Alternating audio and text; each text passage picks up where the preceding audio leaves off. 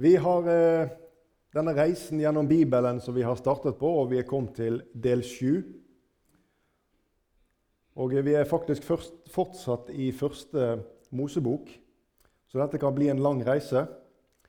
Men som jeg har sagt her tidligere, så er det noen sånne byggesteiner som eh, vi trenger å få med oss for bedre å forstå eh, både historien og en del sånne bibelske sannheter litt seinere når vi kommer lenger ut i Bibelen.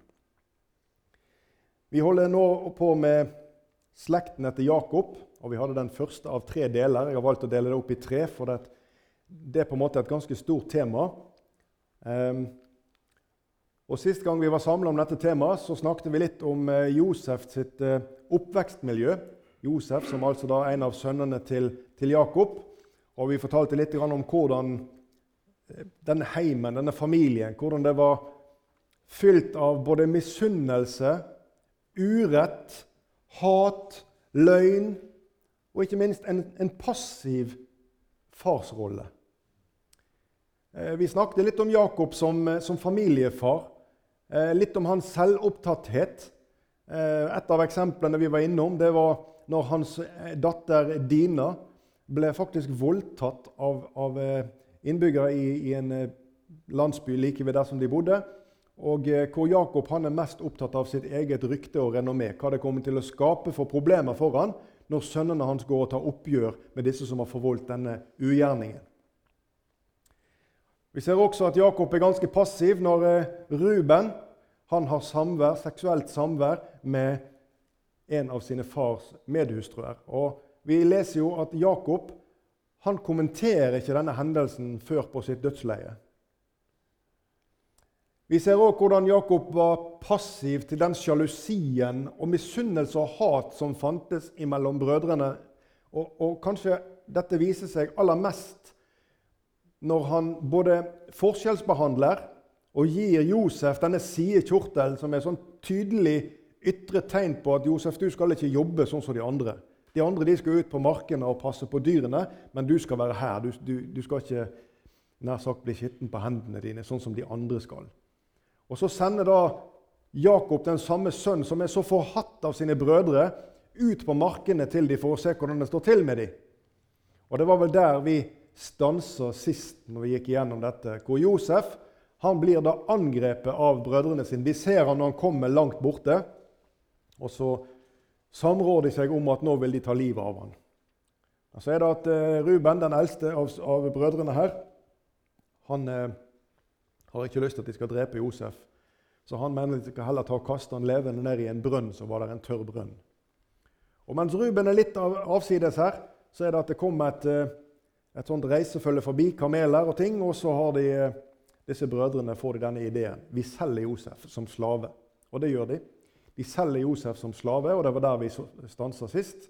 Og dette følget det tar da altså med seg Josef på veien mot Egypt.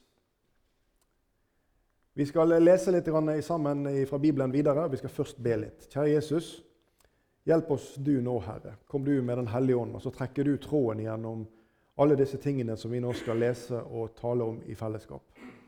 Ber Herre om at du skal åpenbare ordet ditt for oss, og la dette få være til nytte for våre hjerter, Herre, i den tid vi lever. Hjelp oss, Herre, så vi både trekker lærdom, men også at vi knytter håp til dette ordet som du har gitt oss. Amen. Før vi går løs på den videre hendelsen eh, rundt Josef eh, Mange av dere har jo lest denne fortellingen sikkert mange ganger, men her er mange ting å stoppe med. Og En av de tingene som eh, et, blir et tema her, det er å motstå fristelse. Og det kan du kanskje lure på hvorfor i all verden skal vi snakke om fristelse når vi skal snakke om Josef. Jo, det er et tema som faktisk er veldig aktuelt. Det er kanskje et av de temaene hvor vi ser Josef som en prøvd mann gjennom det han skal erfare her på veien videre. Kanskje ikke det nødvendigvis alltid noen ganger gjør det, det går det klart fram, men andre ganger så ligger det litt underforstått. Og det skal vi lese litt om. Jakobs brev, kapittel 1 vers 14, den sier noe om eh, fristelse. Det sier at enhver som blir fristet, dras og lokkes av sin egen lyst. Vi leser det en gang til. Men enhver som blir fristet, dras og lokkes av sin egen lyst. Jeg prøvde å finne en eh, god definisjon på hva fristelse egentlig er for noe. og Det er faktisk ganske vanskelig å fatte det nær sagt ned i en kort setning.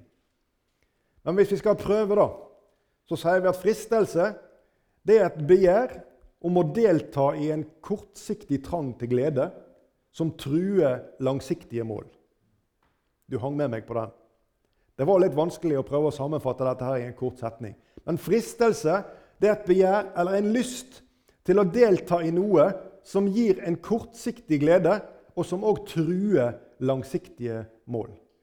Og nå er vi litt inne i den bibelske forståelsen av hva fristelsen er. Og vi leste neste verset her i Jakob kapittel 1, altså vers 15. Så leser vi når så lysten har unnfanget, føder den synd. Men når synden er fullmoden, føder den død. Sånn at det er et veldig alvor over temaet fristelse. Når Bibelen taler om fristelse, så er det altså forbundet med lysten til det som er imot Guds vilje og bud. Du har sikkert, som jeg, hørt på reklamen, og sikkert hørt på TV når reklamen kommer, og så synger de at 'det er lov å la seg friste'. Og Det er jo et sånt begrep fra reklamens verden. De ønsker jo at vi skal tillate oss sjøl å spise sjokolade og andre ting som både er godt og sikkert flere av oss er litt henfallen til. Iallfall på lørdagskvelden. La, bli, la det bli med det. Men i alle tilfeller så er det en sånn type fristelse som blir altså Sjokoladen blir fremstilt som noe som det er lov å la seg friste. Men selve ideen rundt dette det er et begrep som på en måte borer ganske dypt ned i mennesket. Og det er jo noe av det som de som driver med reklame, ønsker å gjøre. De ønsker jo å appellere til noe som er dypere enn bare det helt overfladiske. Men akkurat dette begrepet der jeg fester meg litt med, det er lov å la seg friste. For det utfordrer et slags grunnleggende verdisyn. Og det blir en slags begjærets tillatelse. Og det skjer gjennom en rasjonell forklaring. Og da vil jeg spørre deg, Kjenner du igjen den mekanismen fra noe sted i Bibelen? Hvor det skal gis tillatelse til begjær, eller tillatelse til det som er imot Guds bud og vilje gjennom at det blir satt fram en rasjonell forklaring på at dette er bra, det er lov å la seg friste. Kan du kjenne igjen den fortellingen? Vi skal eh, dra opp et bibelvers om akkurat det. Først vil jeg bare dele inn disse fristelsene litt. Materiell fristelse, som er begjær etter ting i smått og stort, og som veldig mange av oss er opptatt av. Så har du den litt mer sånn personlige fristelsen, som ligger i et begjær etter berømmelse og makt. Og så en seksuell fristelse, som kan være både legalt og moralsk forkastelig. Det er altså et begjær etter det som ikke er ens eget, innenfor den rammen som Gud har sagt at dette skal virke. Og Jeg har lyst til å gjøre en kort parentes akkurat omkring dette temaet. Dette er en kjempeutfordring i den tiden som vi lever i. Jeg møter så mange mennesker, både unge og eldre menn, som står fast i dette. Med lenker og bånd, smidd av ingen ringere enn djevelen.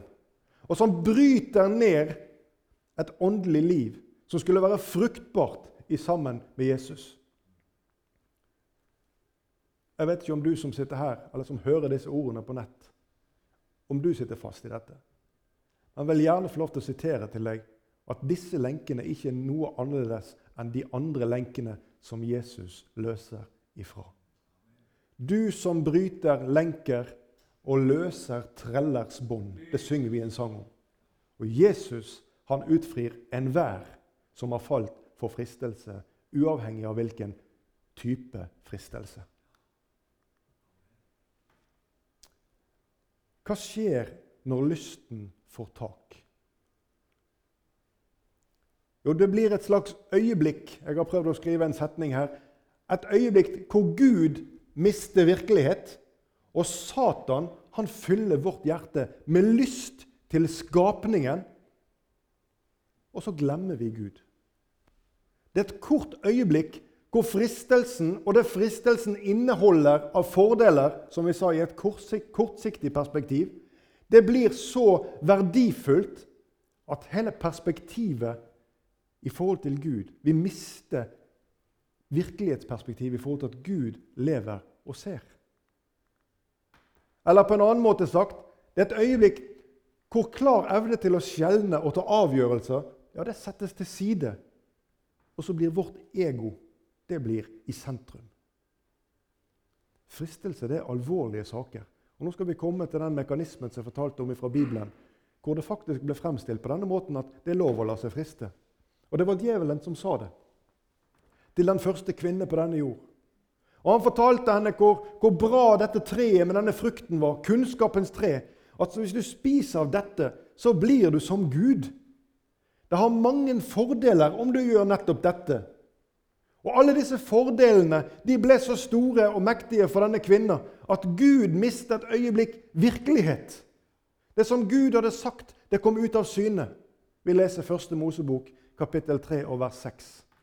Kvinnen så nå at treet var godt å ete av.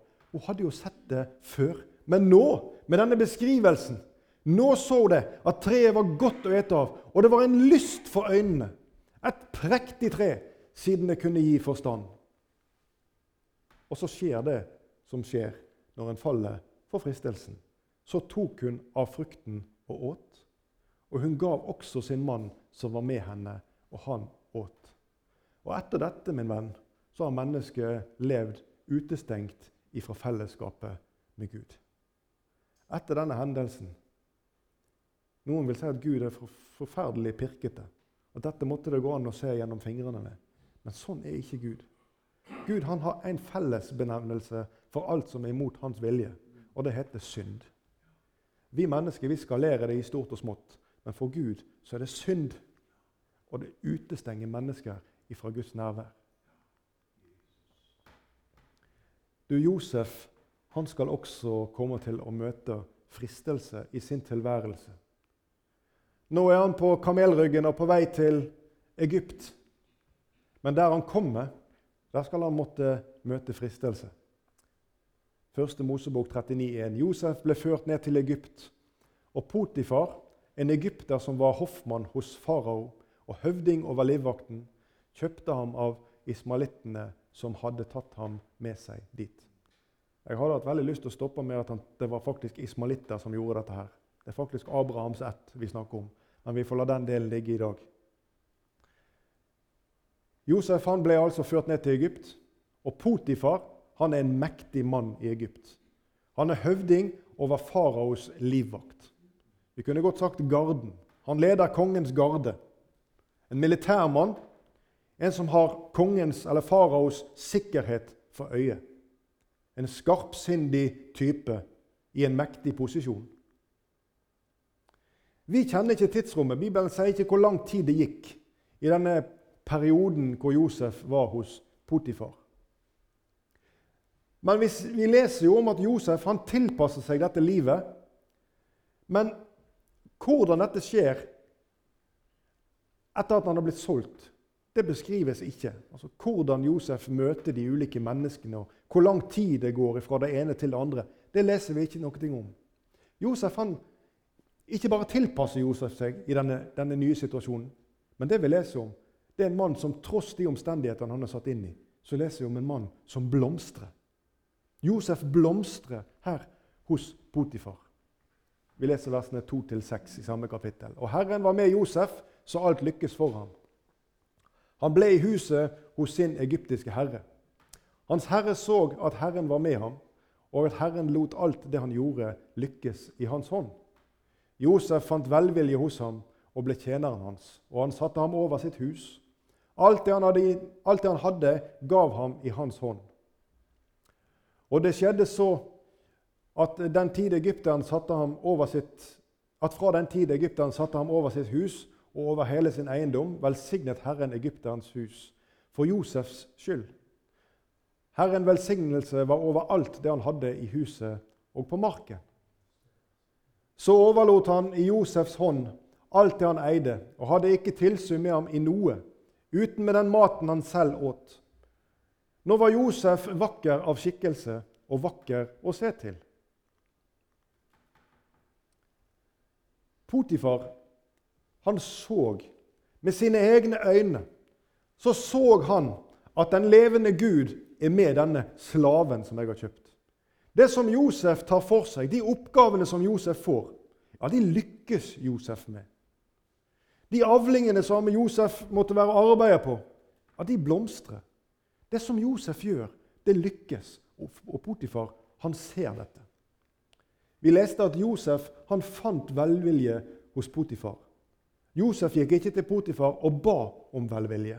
Men pga. den velsignelse som Gud hadde over Josef sitt liv, så fant Josef velvilje hos Potifar. Og Josef han blir forfremma ifra å være slave til å administrere hele husholdningen hos livvakten over faraos hær. Det er et stykke ifra gutten med sunnrevet kappe som ble kasta i brønnen og solgt som slave, til det vi leser om her. Dette er Josef som av alt han har mista, så har han tatt vare på en ting.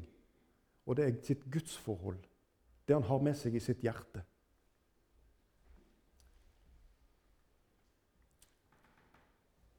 Det er et eh, problem som knyttes til dette med fristelse. Fristelse og evnen til å motstå den, eller sagt med et fint ord integritet. Noen har sagt at for én som kan tåle fristelse, så finnes det altså 100 som kan tåle motgang. Bare sånn at vi har en idé om, om, for, om forholdet her. Å motstå fristelse tror jeg vi alle sammen kan vitne om at det kan tidvis være vanskelig. Og det var også vanskelig for Josef. Vi ser den posisjonen som Josef her får. Så overlot han, Josef, overlot han i Josefs hånd alt det han eide, og hadde ikke tilsyn med ham i noe uten med den maten han selv åt. Og Dette sjette verset det avsluttes egentlig litt sånn overraskende. For det, beskrives jo om Josef at han fant velvilje, og at Herren var med han. Og, men så avsluttes dette verset med Og Josef var vakker av skapning og vakker å se til. Hvis vi hadde bladd i noen andre oversettelser, så hadde vi sett at det sto Josef var forresten en meget kjekk ung mann. Og I en tredje oversettelse så fant jeg at Josef var muskuløs og pen. Ja, Vi kan se for oss Josef.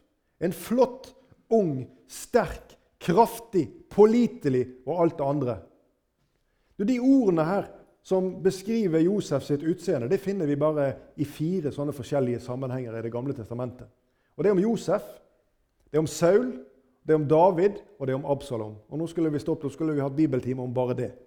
Men det må vi la ligge. Men jeg bare nevner det for deg her når du leser i Bibelen din, at fire ganger så leser du om denne type beskrivelse. Josef han er en sterk, en pen, litt sånn autorativ og respektert mann som har fått en høy stilling som leder Potifars hus. Og Da vil jeg bare si til deg at det er samtidig ganske mange sånne akillespunkter som djevelen vet å utnytte. For den som blir løftet opp i stilling, for den som får tillit, for den som får alt dette som Josef, ved siden av det at han faktisk også var en ung og kjekk og pen mann Her er det mange ting for djevelen å bruke. Og djevelen han utnytter bl.a. Josef sin ytre skjønnhet til fristelse. Og Bibelen jeg vil si at Bibelen sløser ikke med ordene når den beskriver hva som skjer her i vers 7, kapittel 39. Og da en tid var gått, hendte det at Hans Herres kone kastet sine øyne på ham, og hun sa, 'Kom og ligg med meg'. Du, Da en tid var gått, leste vi her. Hva, en tid var gått etter hva? Hva hadde skjedd etter denne tiden? Jo, det kan jeg fortelle deg.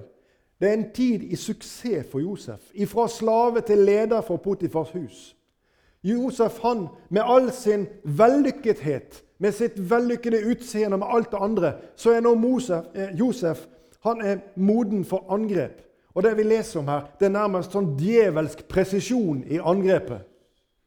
Når Josef er kommet på sitt høyeste, når Josef på en måte er kommet dit at han kan ha all mulig grunn til selvtillit, så kommer djevelen og prøver å rive ned og ødelegge. Og Josef han er et menneske som du og jeg.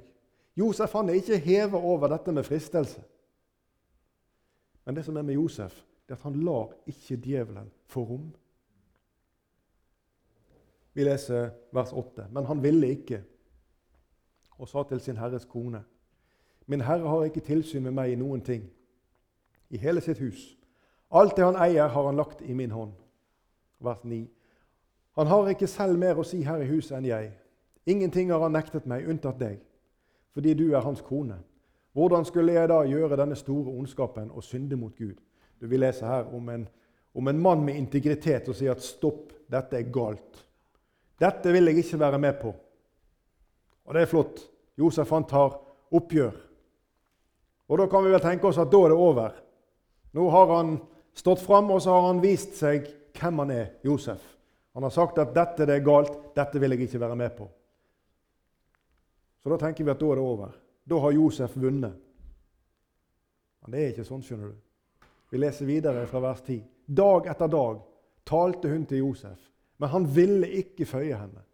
Hun, han ville ikke ligge hos henne og ha omgang med henne. Du, Josef han er en ung mann her.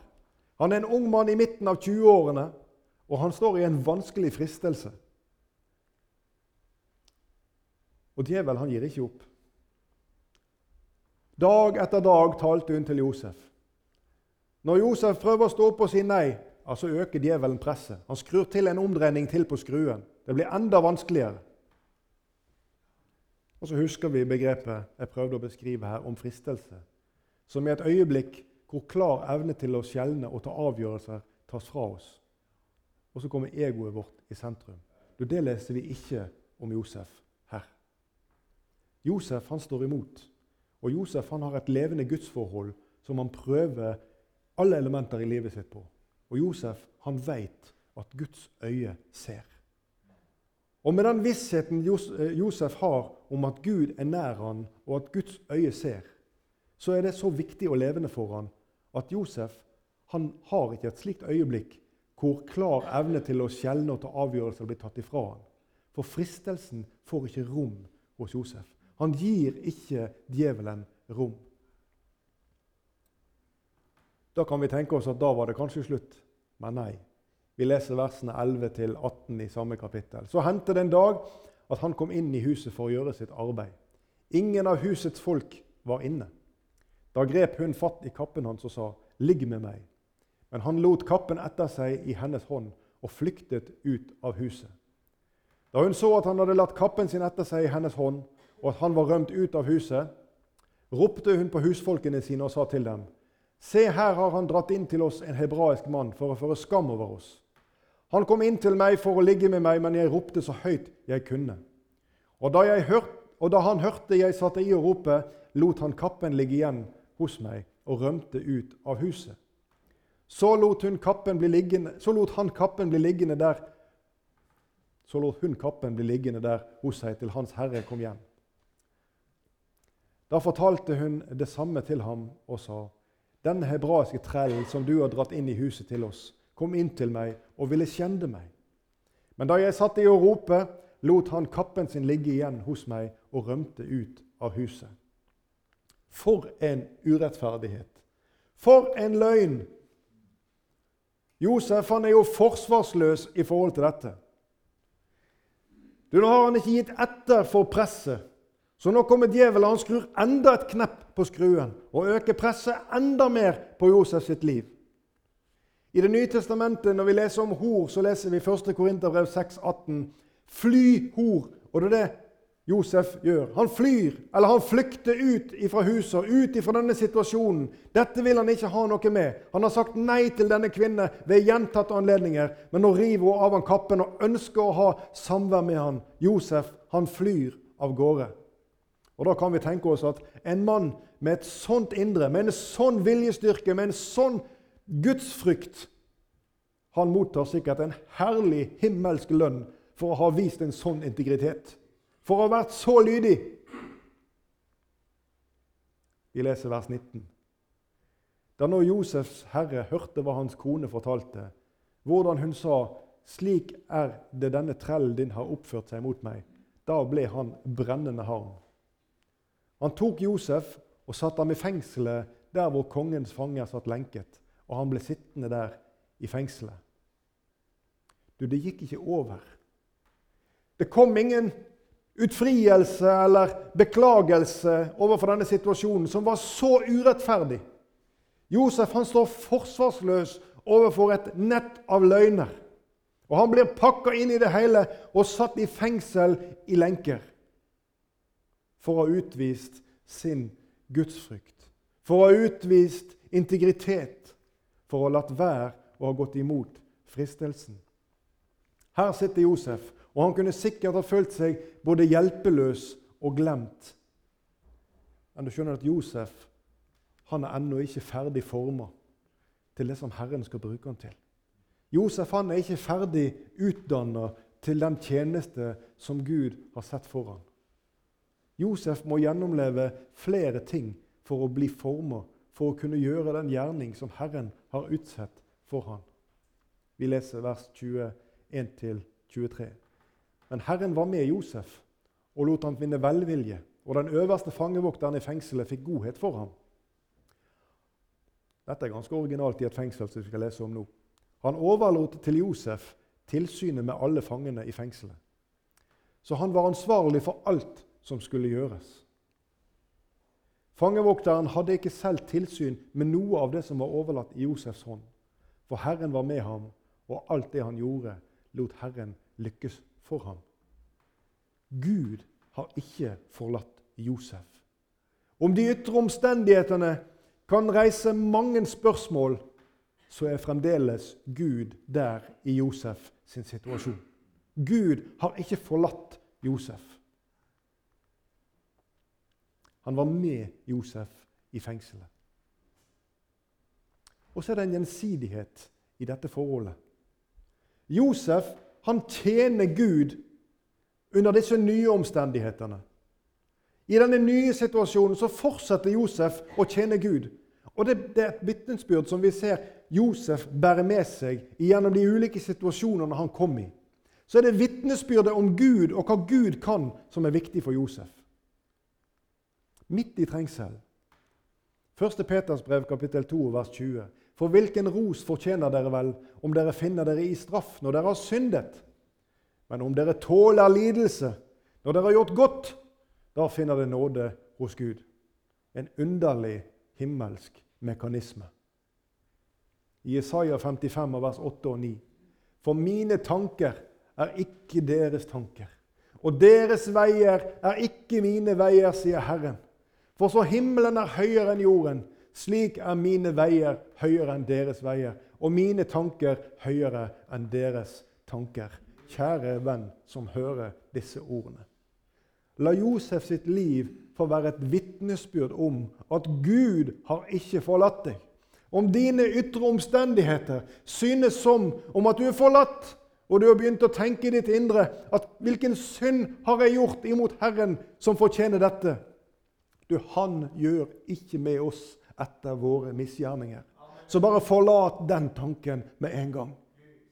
Men Gud han har av og til et tungt utdanningsprogram for den som skal bli et dugende redskap i hans hånd. Noen ganger så er det virkelig vanskelig å forstå omstendighetene. Men la bønn være i ditt hjerte som den var hos Josef. Herre, hjelp meg å være himmelvendt Hjelp meg å ha din vilje og din plan for mitt indre øye, så jeg bærer mindre omsorg for omstendighetene som jeg er omsluttet av. Du, Josef han har fremgang. Tross trengsler som han stadig opplever, så er Gud nær til Josef. Salmisten sier det sånn i Salme 119 og vers 71. Det er godt for meg at jeg blir ydmyka så jeg kan kunne lære dine forskrifter. Du, det skjer noe med den som hører Jesus til, når det tårner seg opp. Det skjer noe med gudsnærværet da.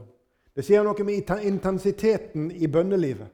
Det skjer noe med intensiteten i omgangen med Hans ord, med søken etter Guds vei og vilje, og etter Hans hjelp, og ikke all annen form for hjelp. Det er godt for meg at jeg blir ydmyket, sier salmisten.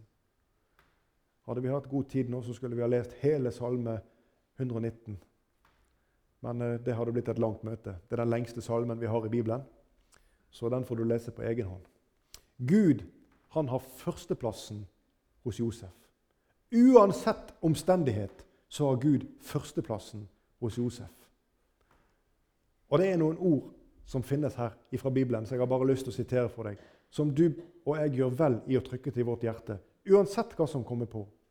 Og Det er også fra Salme 119, vers 33-34. Lær meg, Herre, dine forskrifters vei, så vil jeg ta vare på dem inntil enden. Gi meg forstand, så vil jeg ta vare på din lov og holde den av hele mitt hjerte. Dette er Josef i et nøtteskall.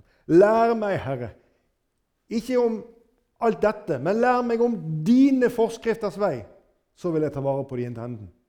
Gi meg forstand, så vil jeg ta vare på din lov og holde den av hele mitt hjerte. Ja, det er en hjertebønn.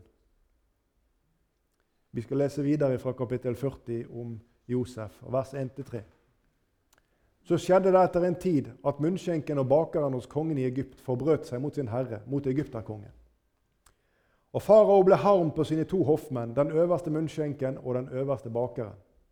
Han satte dem i forvaring hos høvdingen over livvakten, i fengselet hvor Josef var fange. Her skal vi få se Josef som redskap. Her skal vi få se Josef som er frigjort fra bitterhet over situasjonen som han så urettferdig har havna i. Her skal vi få se Josef som ikke er fylt av hevnlyst i møte med disse andre fangene. Vi leser vers 4-7. Høvdingen over livvakten satte Josef til å ha tilsyn med dem. Og han gikk dem til hånde. Se det. Josef i fengselet, som går disse andre to fangene til hånde. Så står det at de ble sittende en tid i fengselet. Så drømte de begge to samme natt en drøm, der de satt i varetekt i fengselet. Munnskjenken og bakeren hos kongen i Egypt. De hadde hver sin drøm med hver sin mening. Og da Josef kom inn til dem om morgenen, så han at de var nedtrykt.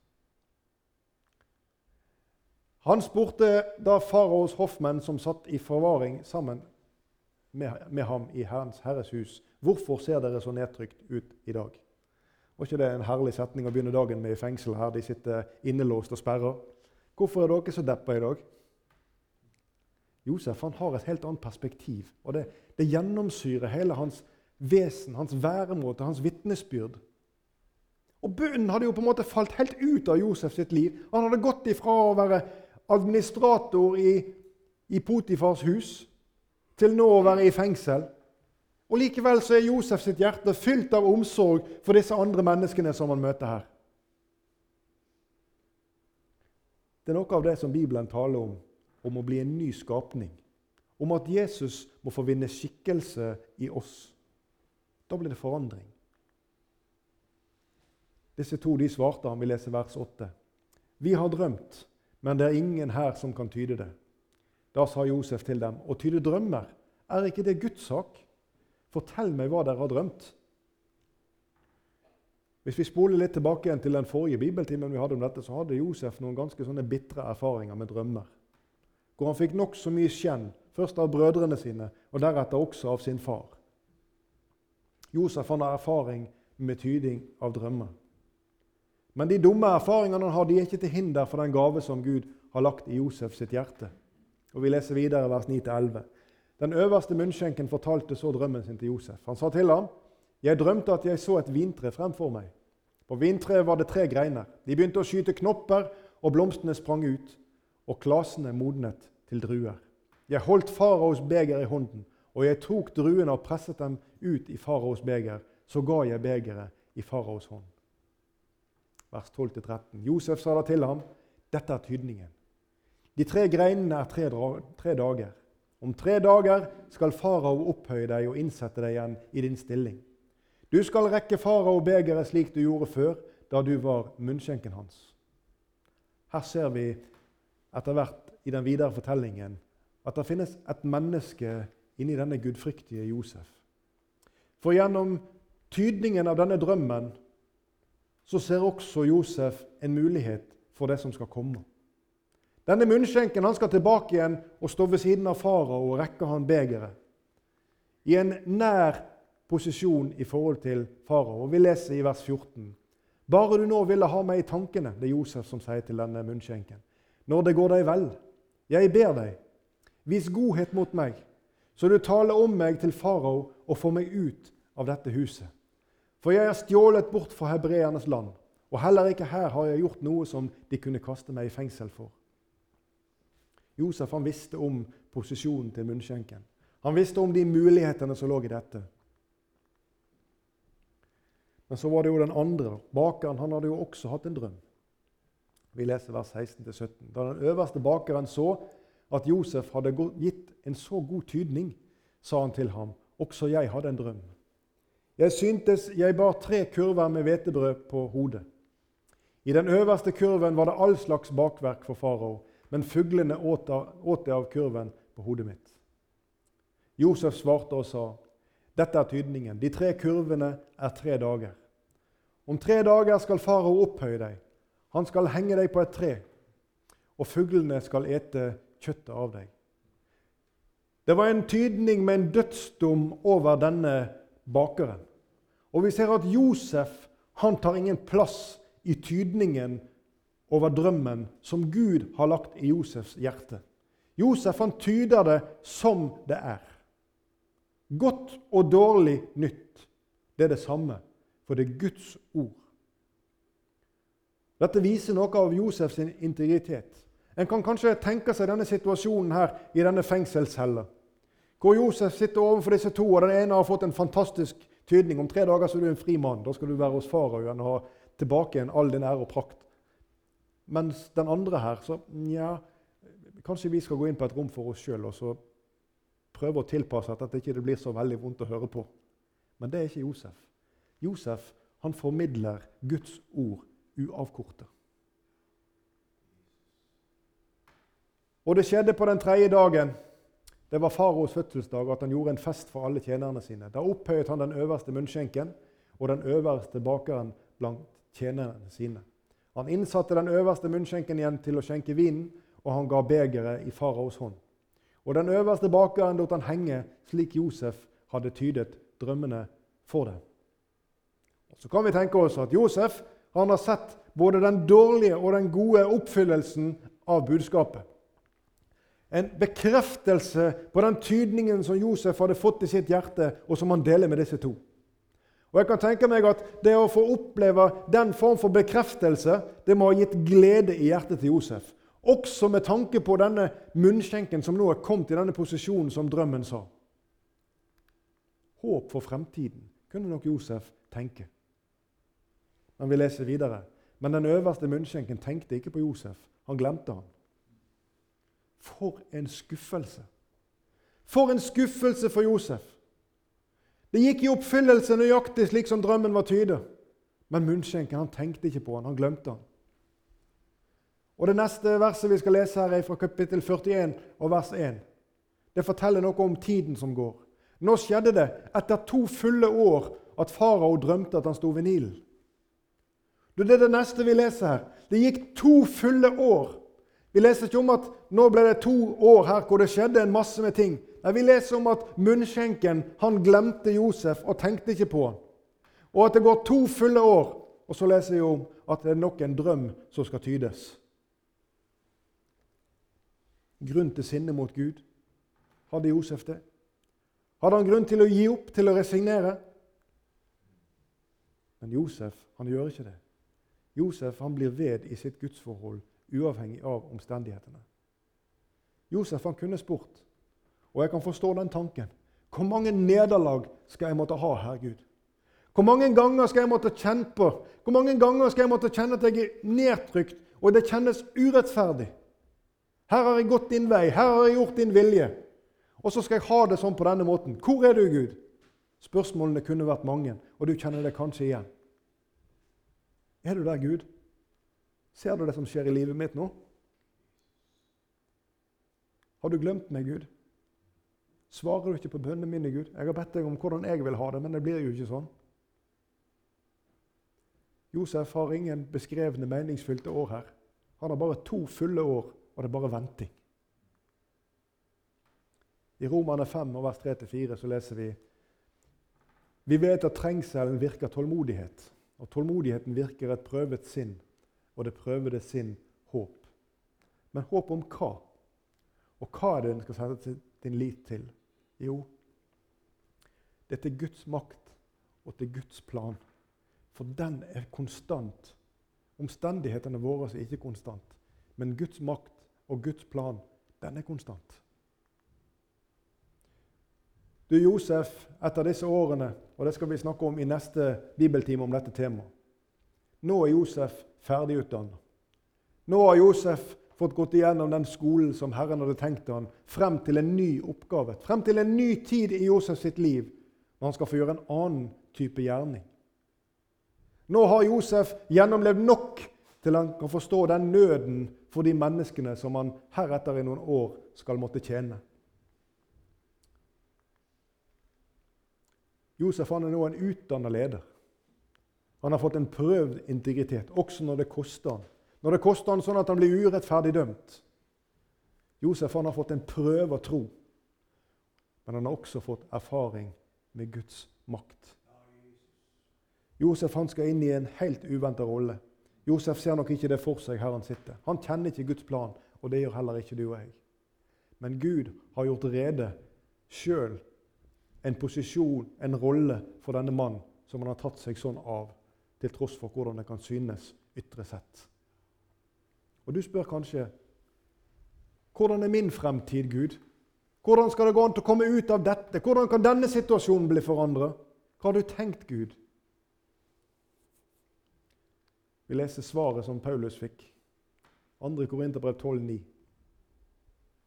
Min nåd er deg nok, for min kraft fullendes i skrøpelighet. Du, Hvis du vil være et redskap for Herren, så må du finne deg i at Herren han må få utdanne deg. Herren han må få stelle med hjertet ditt, så det blir helt og rett med Han i forhold til den oppgaven Han har tenkt for ditt liv. Helt til slutt et sangvers. Hold ut, mitt barn, for meg er du en dyrebar juvel. Jeg teller alle tårene som renner fra din sjel. Jeg elsker deg, min kjærlighet skal fylle deg med sang. Det håpet jeg har kalt deg til, skal du få se en. Herre Jesus, må du hjelpe oss, Herre, så ikke de ytre omstendigheter gjør at ting går i stykker for oss, og at vi mister fokus, Herre. Men hjelp oss, Herre, gjennom alle ting å søke dine forskrifter, og søke din lov, og søke din vei, Herre. Hjelp oss, Herre, å være lyttende til Åndens stemme. Og Herre, hjelp oss å, å møte deg der du er å finne, Herre, i ditt ord. Så vi bedre kan forstå, Herre, hva du har tenkt. Og Herre, når vi ikke forstår, så ber jeg Jesus om at du må hjelpe oss å ha tillit til at du veit alltid best. Alltid. Amen.